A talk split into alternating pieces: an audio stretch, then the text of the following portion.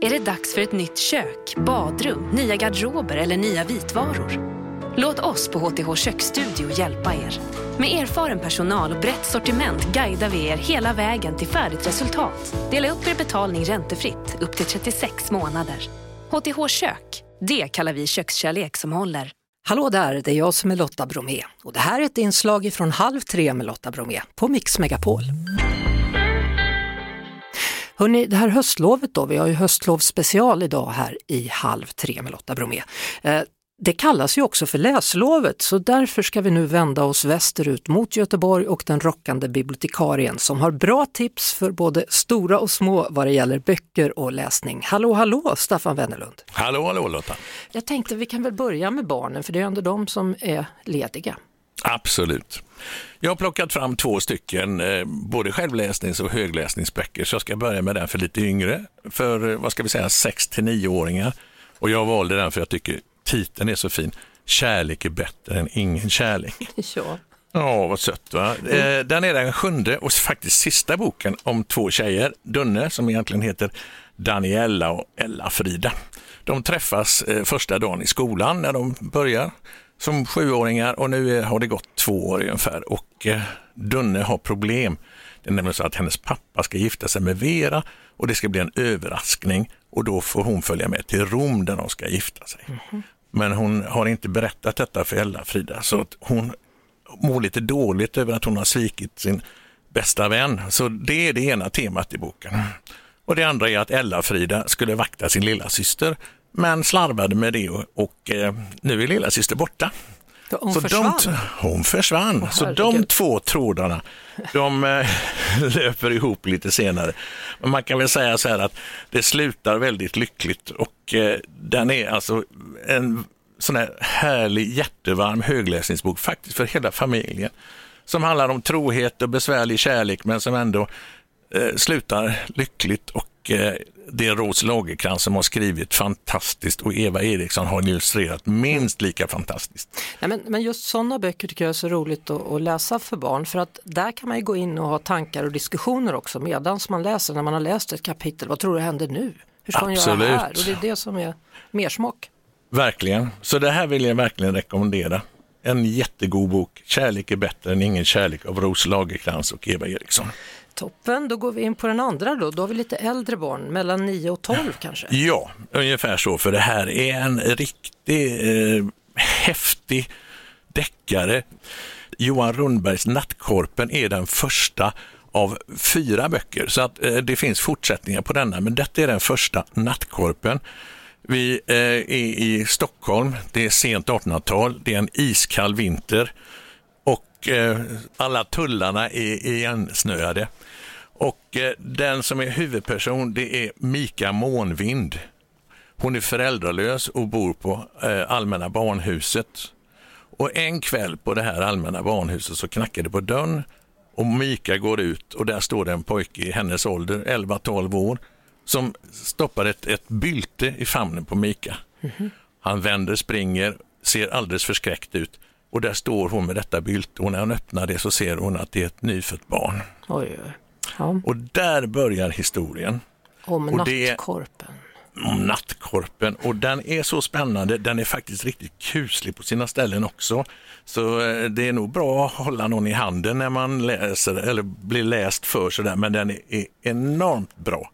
Välskriven, spännande och eh, ni är lyckliga som har den här kvar att läsa.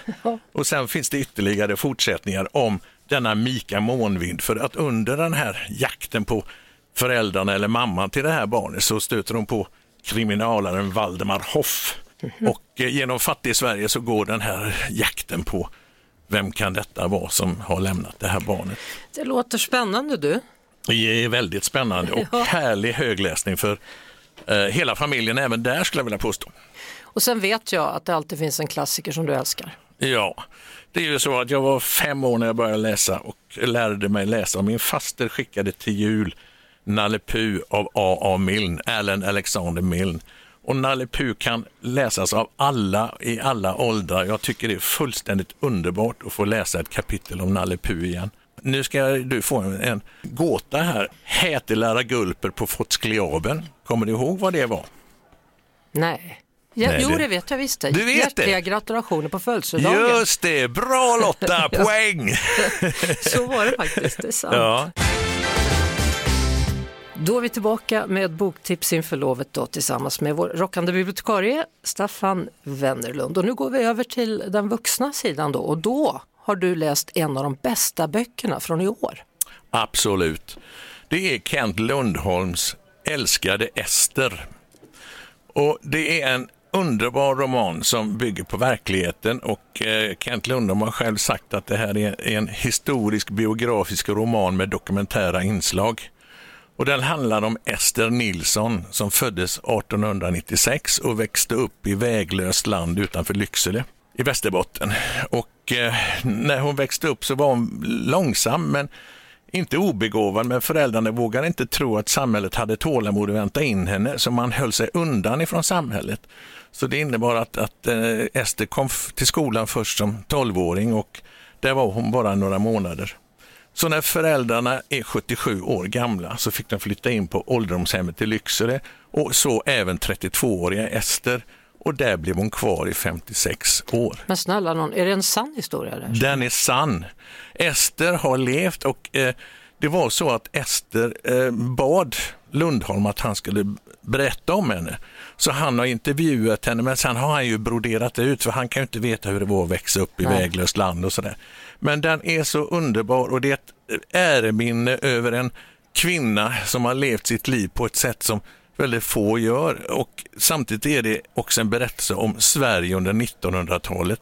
Och den är så gripande och så fin så jag kan, jag, jag, jag bara säger läs den. Den är så vacker, den är så fin.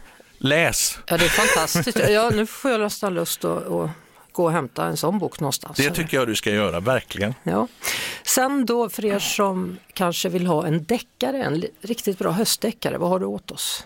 Jo, då har jag Tove Alsterdals Slukhål. Den kom eh, 2021 och det är den andra boken om Eira Sjödin. Det är en polis som har återvänt till Ådalen eh, från Stockholm. Och hon har återvänt för att hennes mamma har blivit allt mer dement. Så att den eh, första boken som heter Rotvälta var också mycket, mycket bra. Och detta är den andra, Slukhål. I ett hus i Malmberget som just utryms inför att de ska flytta i hela stan så hittas en svårt medtagen man i en källare där han varit inlåst utan mat och vatten.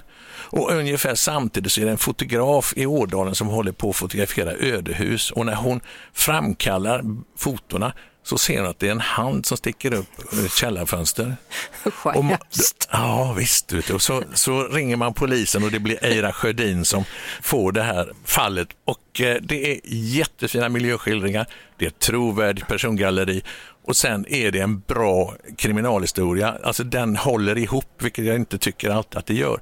Men jag tycker att det är en av de bästa deckarna jag har läst på länge. Men vad bra, två av dina absoluta favoritböcker då. Det Får vi råkade ni få, ja. i present. Ja, det var generöst av Ja, dig. ja. Stort tack för eh, dina förslag då. Eh, Staffan Ja, varsågod. Wennerlund, den rockande bibliotekarien. Åh, Och tack. Om någon nu undrar varför du kallas för det, varsågod. När ser man dig spela nästa gång? Man ser mig spela på Tiamo i Stenungsund den 12 november med Still Young and Beautiful. Vi är vad vi heter. Välkomna. Toppen. Vi säger väl gött mos va? Gött mos! Det var det.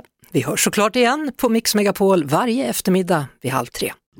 Aj, aj, aj, det kluckar i rören. Men det är väl inget att bry sig om? Jo, då är det dags för de gröna bilarna. Spolarna behöver göra sitt jobb. Spolarna är lösningen. Ah, hör du? Nej, just det. Det har slutat.